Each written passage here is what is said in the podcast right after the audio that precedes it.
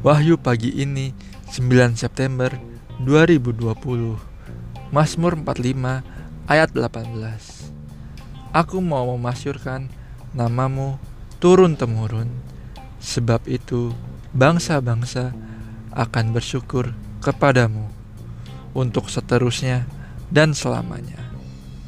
Saudara-saudari, jika kebaikan sesama mudah kita ingat dan kita ingin membalasnya, lalu bagaimana dengan kebaikan dari Tuhan kepada kita selama ini?